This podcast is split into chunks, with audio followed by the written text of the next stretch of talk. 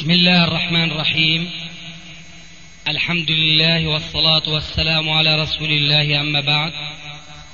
فهذا أحد أشرطة سلسلة الهدى والنور من الدروس العلمية والفتاوى الشرعية لشيخنا المحدث العلامة محمد ناصر الدين الألباني حفظه الله ونفع به الجميع. قام بتسجيلها والتأليف بينها محمد بن أحمد أبو ليلى الأثري. إخوة الإيمان والآن مع الشريط الثامن والثمانين بعد المئة السادسة على واحد. نعم. كثير من إخواننا يعني يرون كثيرا من العلماء آه، في المنام بهيئة أنهم آه، يعني حليقين يعني قد حلقوا اللحى. فهل هنالك تأويل يعني من فضيلة الشيخ؟ آه، أولا نذكر إخواننا جميعا بأن الرؤى لا ننصحهم أن يهتموا بها إلا رؤيا يشعر الرأي لها بأنها من القسم الذي أثنى عليها رسول الله صلى الله عليه وآله وسلم. في الحديث الصحيح الرؤى ثلاثة. فرؤيا من الرحمن ورؤيا من الشيطان ورؤيا من تحديث النفس.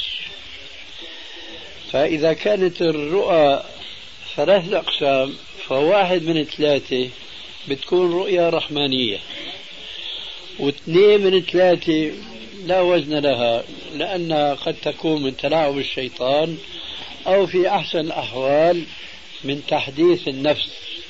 أي الإنسان يفكر في أمر بهمه من خير أو شر فيتصور شيئا في المنام يتعلق بما يفكر فيه في أثناء النهار. فهذا إذا رآه لا قيمة له. كذلك إذا كان من النوع الذي هو من تلاعب الشيطان بعدوه الإنسان. فحينما تكون رؤيا فيها أنه رأى عالما حريقا بمعنى رأى عالما يعصي الله عز وجل. فهذه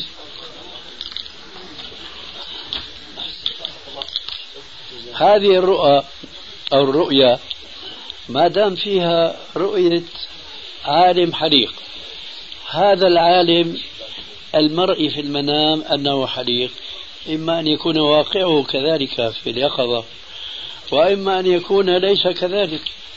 فحينئذ إن كان العالم الذي رؤي حليقا ليس حليقا في واقع حياته فهذه يعني رؤيا آه، تبشر بشر تنذر بشر.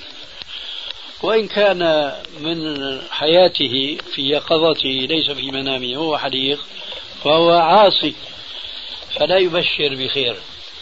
أما الأمر الأول والأمر الآخر أيضا ما دام يلتقيان في رؤية إنسان يتلبس بمعصية لكن رؤية عن رؤية تختلف. إذا كانت الرؤيا تمثل حياة حقيقية أي هو حليق دائما فهذا أشر. وإذا كان هو ليس كذلك لكنه في المنام رؤيا حليقا فهو شر. حينئذ ننصح في مثل هذه المناسبة بأمرين اثنين. الأمر الأول أن يتأدب بآداب الرائي للمنام. فقد جاء في الأحاديث الصحيحة عن النبي عليه الصلاة والسلام أن من رأى رؤيا تسره فليحدث بها عالما ناصحا. وإن رأى رؤيا تحزنه تكرمه ظواهرها تدل على الشر فلا يحدث بها أحدا وليدخل عن يساره ثلاثا فإنها لن تضره. هذا الذي يمكن أن يقال بمثل هذه المناسبة. شيخنا الإخوان حقيقة الجالسين هون لعدم المكان. آه. يقولون بأنهم لا يسمعون. آه. وهذا صحيح. خلاصته أن الرؤيا التي ظاهرها شر أولا يدفل عن يساره ثلاثا فإنها لن تضره وثانيا لا يقصها على أحد. يعني هذا الأمر حصل من أكثر من ست أشخاص. رأوا أكثر من يعني أربع علماء يعني من علمائنا يعني نعم. اللي نحسبهم إن شاء الله على خير. نعم. فهل هذا يعني بيكون في شر لذات العالم نفسه ولا لمثلا يعني؟ وأنا أجبت عن هذا بارك الله فيك أنه لا تعتدوا بالرؤى لأن الرؤى ثلاثة. فواحد من ثلاثة بتكون إيش؟ بتكون رحمانية. آه. ثم هذه بتكون رحمانية. الآن أزيد بناء على تكرارك للسؤال. بتكون رحمانية تحتاج إلى تأويل ما بتكون على ظاهرها. وهذه مشكلة أخرى أن الذين يستطيعون أن يؤولوا الرؤى أولا هم بحاجة أنه يفصلوا هذه الرؤى عن القسمين الآخرين. ثانيا عليهم أن يحسنوا التأويل. وتأويل المنامات ليس علما. تأويل المنامات ليس علما وإنما هو هبة من الله تبارك وتعالى. آه لذلك أنا أقول عن ما شاهدته في غيري ثم ما وقع لي نفسي.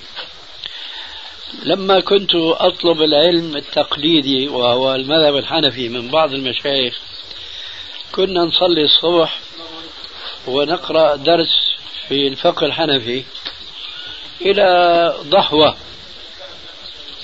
تأتي امرأة عجوز تدخل المسجد وتجلس بجانب الشيخ فتسارره بكلام لا نسمعه نحن. لكن نسمع جواب الشيخ ونفهم أنها تقص عليه رؤيا. فسبحان الله كان جواب الشيخ كأنه مثل ما بيقولوا اليوم روتين يعني لا يتغير. كل ما أجت امرأة تسارره بشيء نفهم أنها تقص عليه رؤيا وبيكون جواب الشيخ على وتيرة واحدة. بقي في ذهني الخلاصة التالية وهي يبدو أن المرحوم بحاجة إلى صدقة. فتصدقي عنه. وهكذا. أو بحاجة إلى قراءة قرآن فاقرأي عنه. نحو هذا يعني تكون هذا ما شاهدته عن بعض المشايخ.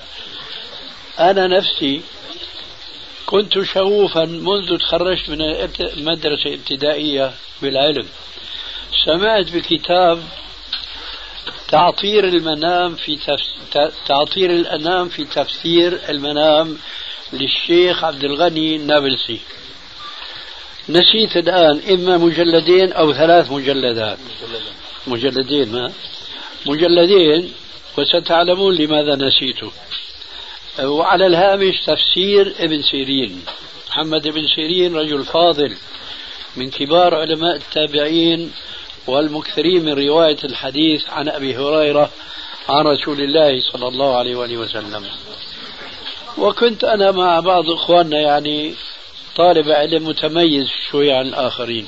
كل ما واحد شاف منام أنا ما عندي علم يعني ما عندي علم فطري كما كان عليه ابن سيرين.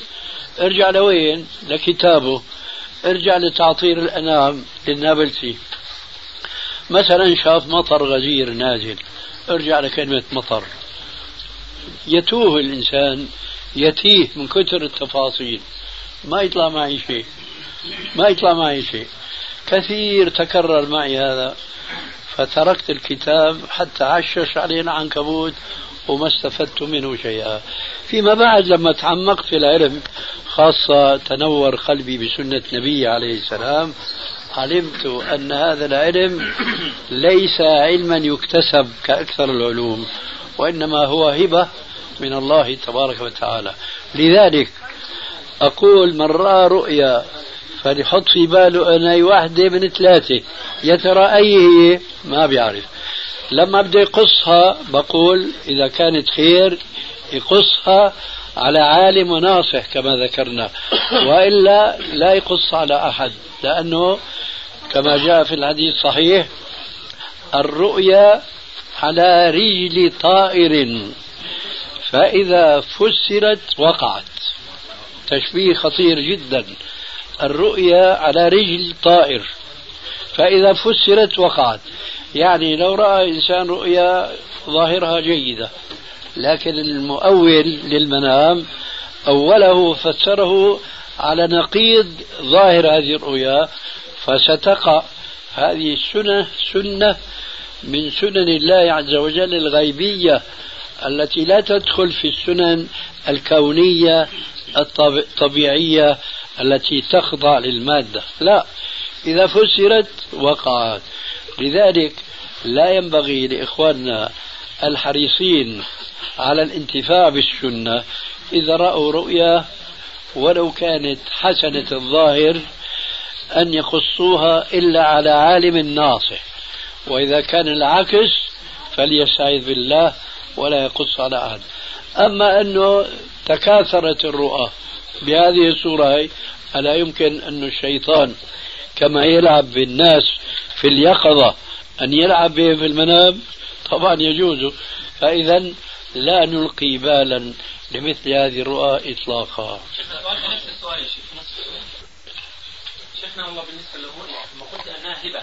هل الرؤيا هل الرؤيا هي من الغيب أم ليست من الغيب؟ أنا قلت الرؤيا هبة. آه تفسير الرؤيا هبة. الله يسامحك. آه تفسير الرؤيا كم في فرق بين تفسير الرؤيا هبة عند بعض تفسير نعم. الرؤيا عند بعض أهل العلم هبة. هل هي من الغيب الرؤيا أم ليست من الغيب؟ لو كانت من الغيب هل الغيب يعلمه غير الأنبياء؟ أنا مهلك يا أخي. السؤال ما بيكون محاضرة بارك طيب. الله فيك. سين وجيم هل هي أسأل سؤال أول. هل نعم هل الرؤيا الصالحة؟ الرؤى غيب. وقال غيب. عليه السلام الرؤى جزء من ست وثلاثين جزءا من النبوة أو كما قال عليه السلام. نعم. ها؟ الرؤيا الصالحة. نعم. نعم. طيب فهي غيب. طيب هل هل هناك احد يعلم بالغيب إلا من علمه الله سبحانه وتعالى من الأنبياء؟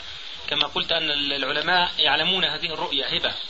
أنا ما قلت عن نعم يعلمون كهب كإلهام من الله عز وجل. يلهمهم غيب يعني جزء يلهمهم بعض الغيب؟ لا هذا ليس غيبا بارك الله فيك.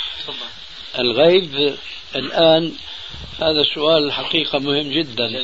أي نعم. لنعرف ما هو الفرق بين العلم بالغيب والفراسة التي يصيب بها أحيانا. نعم. ويتحدث بها بعض كتب السنة الصحيحة من جهة ويغالي فيها الذين ينتمون إلى التصوف من جهة أخرى. آه، أظنكم جميعا تعلمون قوله عليه الصلاة والسلام لقد كان في أمتي محدثون. لقد كان في من قبلكم محدثون فإن يكن في أمتي فعمر. ومعنى محدثون أي ملهمون. الإلهام ليس هو الوحي لكنه يلتقي مع الوحي أحيانا من حيث اكتشاف ما سيقع ظنا وليس يقينا. ظنا وليس يقينا. يعني الذي ألهم بشيء لا يستطيع أن يقول أن هذا سيكون حتما. إلا ما ندر جدا جدا وهو يعترف بأنه ليس معصوما. أما الوحي فهو يقطع به كما هو حي تماما يقطع بأن هذا الذي أوحاه الله إليه هو من وحي السماء لا يدخله شك ولا لبس ولا ولا ريب. فالآن لقد كان في من قبلكم محدثون فإن يكن في أمتي فعمر شو معنى محدثون؟ أي ملهمون. فما هو الإلهام؟ أنتم تعرفون أن عمر الخطاب تحدث بأمور نزل القرآن على وفق ما تحدثه به. كقوله مثلا لو حجبت نساءك فأنزل الله آية الحجاب. وقوله مثلا لو اتخذنا لو اتخذنا بمقام إبراهيم مصلى إلى آخره. من هذا القبيل ما رواه الإمام مالك في الموطأ بالسند الصحيح أنه عن أبي بكر الصديق أنه قال لابنته عائشة في أرض تتعلق آه، بإرث أولاد آه، أبي بكر رضي الله عنه. قال فيما أذكر الآن أن هذه لأختك. والأخت هي كانت لا تزال جنينا في بطن زوج أبي بكر الصديق. قالت وأين أختي؟ قالت هي التي في بطن فلانة. وفعلا رزقت بنتا. فكانت ترث مع أختها آه، تلك الأرض بوصية من أبي بكر الصديق في هذه الرؤيا. في هذه في هذا الإلهام. وهذه القصة في الموطأ وبالسند الصحيح الذي لا إشكال فيه لأنه في الموطأ يوجد روايات آه، مقطوعات وبلاغات كثير منها لا يصح وإن كانت موصولة بعضها في كتب أخرى. أما هذه القصة فهي صحيحة. إذا عرفنا هذه الحقيقة الفرق بين الوحي وبين الإلهام يمكننا نحن الآن أن ندخل في صلب الإجابة. إذا رجل عالم مثل ابن سيرين فسر الرؤيا التي قص عليه قاص ما أو رأي ما. هو لا يستطيع أن يقول إنها ستكون كذلك. فإذا هذا ليس من باب الاطلاع على الغيب إطلاقا وإنما هو الظن. والظن قد يصيب وقد يخطئ. وهذا يقع من العلماء في مناسبات كثيرة وكثيرة جدا حتى أن بعض مشايخ الطرق يستغلون هذه الوقائع ويوهمون الناس أنها كشوفات وأنهم يطلعون على ما في ما في صدور الناس. والحقيقة أنه ليس شيء من ذلك إنما هي الفراسة. فإذا وسأقص بعض ما وقع لي أنا شخصيا مع كشف السر لكي لا تنغشوا ببعض ما قد تسمعون من من بعض الناس. إذا تبين أن أبن سيرين وأمثاله ممن قد يوهبون آه، علم تأويل الرؤيا فذلك ليس من باب اطلاع على الغيب لأنه لا يعلم الغيب إلا الله بنص القرآن الكريم ثم كما قال في القرآن الكريم أيضا عالم الغيب فلا يظهر على غيبه أحدا إلا من ارتضى من رسول. الغيب هو الأمر الذي يقطع به الرسول أن الله عز وجل أوحى. أما العالم ذو الفراسة أو مفسر المنام فهذا لم يطلع على الغيب. فقد يصيب وقد يخطئ. أنا أقص لكم بعض القصص التي التي وقعت لي وهي أولا لا تدل على صلاح ولا تدل على طلاح وإنما تدل أن هذا المسؤول في عنده شيء من العلم وفي عنده شيء من اليقظة فأصاب الهدف. فلو أراد أن يغش هؤلاء الناس سيقول لهم هذه كشوفات وأنتم تنكرونها. أنا أذكر جيدا أنني كنت في دكاني أصلي الساعات. لما دخل علي أحد إخواننا من الفلسطينيين الذين كانوا آه، فروا من ظلم اليهود إلى دمشق وتعرفوا على الدعوة السلفية والحمد لله جاءني يوما ومعه رجل فلاح.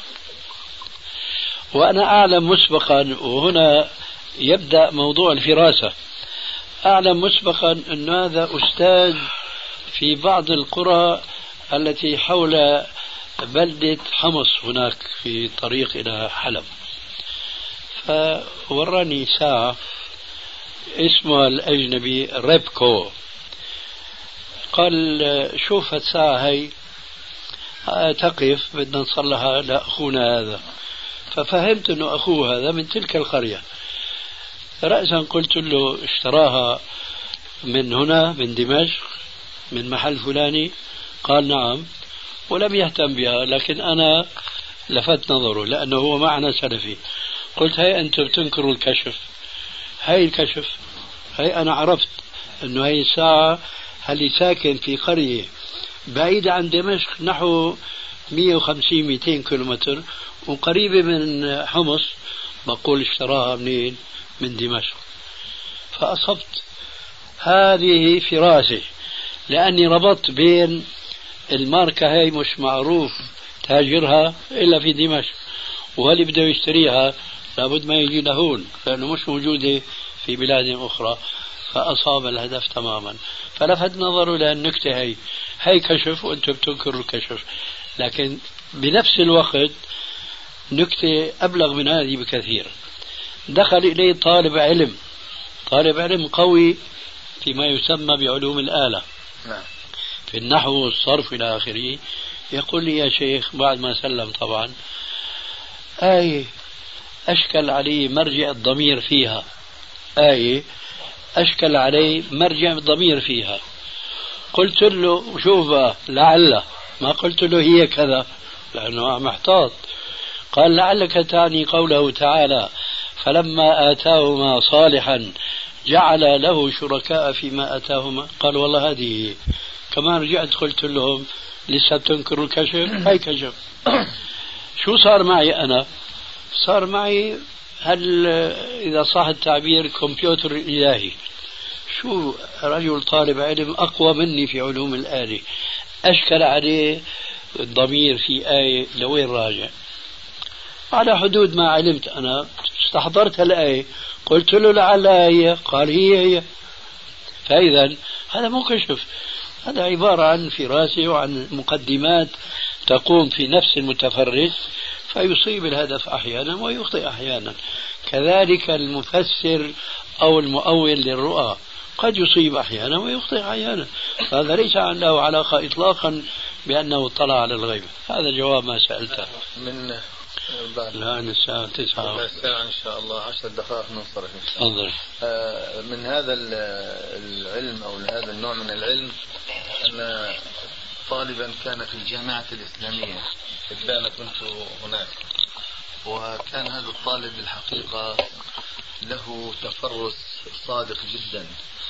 وأظن ال- الحديث شيخنا اللي هو إن المؤمن يعرف بالتفرق بالت- بال- إيه نعم. بالتوسم. نعم. فكان هذا ال- الطالب هو من الهند. يقول لي أنا صرت أدعو الله عز وجل أن يباعد بيني وبين الفراسة. آه. أن يقصي عني هذا هذه الفراسة. قلت له ليش؟ قال كنت إذا إذا سرت في الشارع ونظرت في وجوه الناس عرفت أن هذا الإنسان قد يكون من وطن حرام. الله أكبر. أي نعم. إلى هذا الحد. قال وكنت إذا سألت وأنتهي بسؤالي إلى نهاية المطاف يعرف بأنه هذا فعلا ليس يصيب يعني في نعم، يصيب, تصيب. يصيب في فراسته ومن هذا طبعا ما جاء في السنة أن الرسول عليه الصلاة والسلام يعني كان آه، أمرا معروفا أنه عندما رأى مر بزيد بن حارثة وابنه أسامة وكان في اللونين مختلفين. فقال أشهد أن هاتين القدمين من هاتين القدمين. أو معنى الحديث يعني. نعم. فالفراسة الحقيقة تتعلق بالأشياء المرئية وتتعلق بالأشياء غير المرئية. وهذا علم موهوب وليس علما يلتمس في صحائف الكتب. صحيح. تفضل يا رحمه الله شيخنا الفاضل. أيوه أنت ماسك جورنال يعني عم استنى لذلك أنا مانعه لي ولبعض إخوتي مجموعة من الأسئلة. تلبس واحد الله يرضى عليك. أراد من فضيلتكم الإجابة يعني عليها. على ما يعني استطعت منه. راح تخوفنا هذا بكثرة أسئلة. لا لا تفضل. إن شاء الله. السؤال الأول ما فقه الحديثين التاليين؟ لا تزال طائفة من أمتي يقاتلون على الحق ظاهرين على من ناوأهم يقاتل آخرهم الدجال. والحديث الثاني لا يغتسلن أحدكم في الماء الدائم وهو جنب. قيل يا أبا هريرة كيف يفعل؟ قال يتناوله تناولا. نعم. الحديث الأول آه، ليس المقصود استمرارية الطائفة المنصورة في مباشرة القتال الذي هو القتال المادي.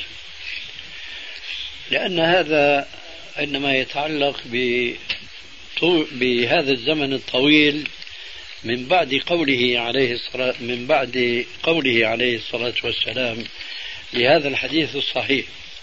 وإنما المقصود أنه هذا القتال لا ينقطع عن هذه الطائفة المنصورة بالمرة بحيث أنه أنهم يبقون مغلوبين على أمرهم فلا يستطيعون أن يقاتلوا من عاداهم.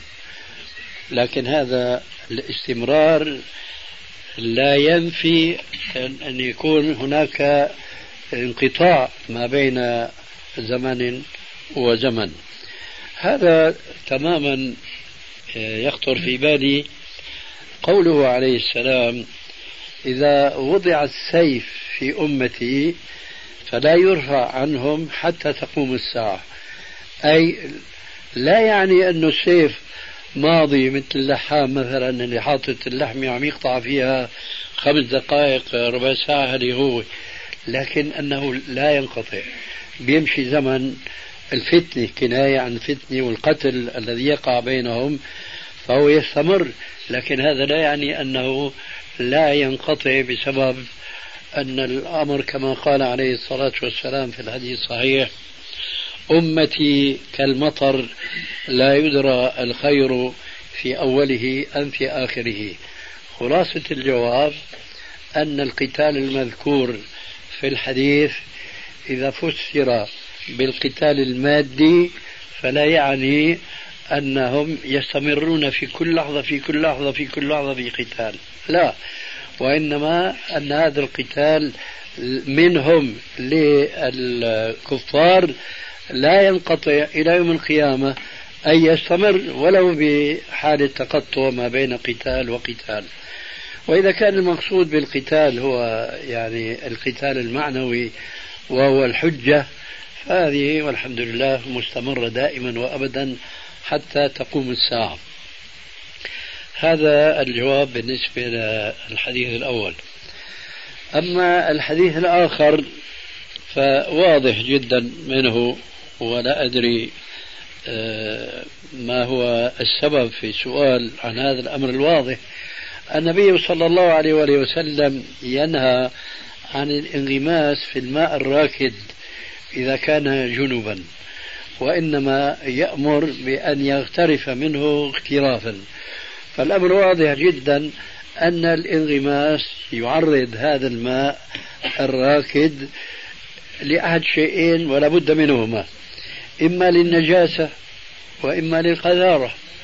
فإذا في سبيل المحافظة على طهارة الماء أو على الأقل على نقاوة الماء اللي يلازمها الطهارة. يعني قد يكون الماء طاهرا لكن يكون قذرا. قد يكون الأمر هكذا. فهذا الذي ينغمس في الماء فإما أن يلوثه وإما أن ينجسه. ولذلك كان من تأديب الرسول عليه السلام لأمته أن ينهى هذا أن ينغمس في الماء ويأمره أن يغترف منه اختلافا كما بين آه، ذلك راوي الحديث وهو أبو هريرة رضي الله تعالى عنه. وبعد هذا البيان أريد أن نلفت النظر إلى أمر نحن بحاجة أن نلاحظه حينما ندرس السنة. هذا الصحابي هنا يشبه في رأيي تماما قول صحابي آخر. هنا سئل أبو هريرة وهو راوي الحديث ماذا يفعل هذا الذي نهي أن ينغمس في الماء؟ قال يغترف اغترافا.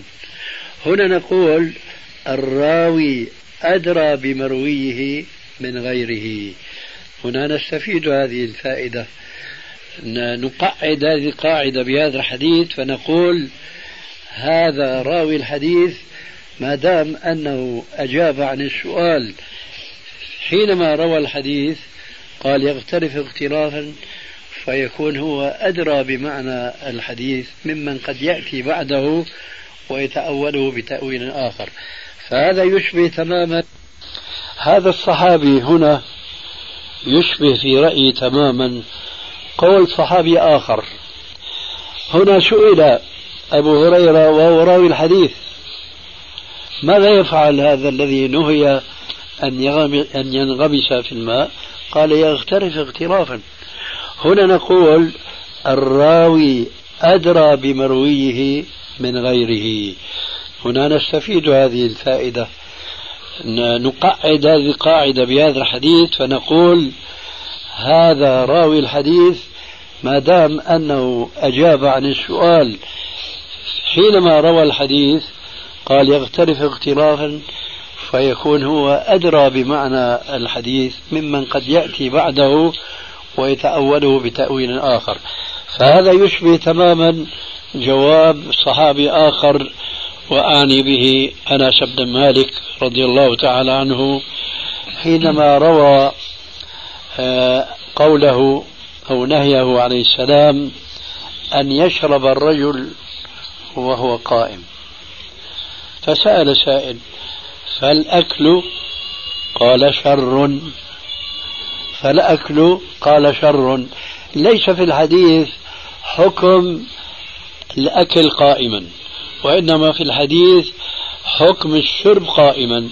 فهو روى عن الرسول عليه السلام أنه نهى عن الشرب قائما. فحينما سئل عن الأكل قائما أجاب بقوله هو شر من الشرب قائما. حينئذ هذا الجواب يجب أن نتبناه لأنه أعلم بمرويه من غيره وهذا بلا شك مقيد فيما إذا لم يكن هناك نص من كلام الرسول عليه السلام ينافي جواب هذا الصحابي أو ذاك. بهذا ينتهي الجواب عن هذين الحديثين. وبهذا ينتهي المجلس. يا إخوان. انتهى المجلس وسبحانك اللهم وبحمدك. أشهد أن لا إله إلا أنت أستغفرك وأتوب إليك.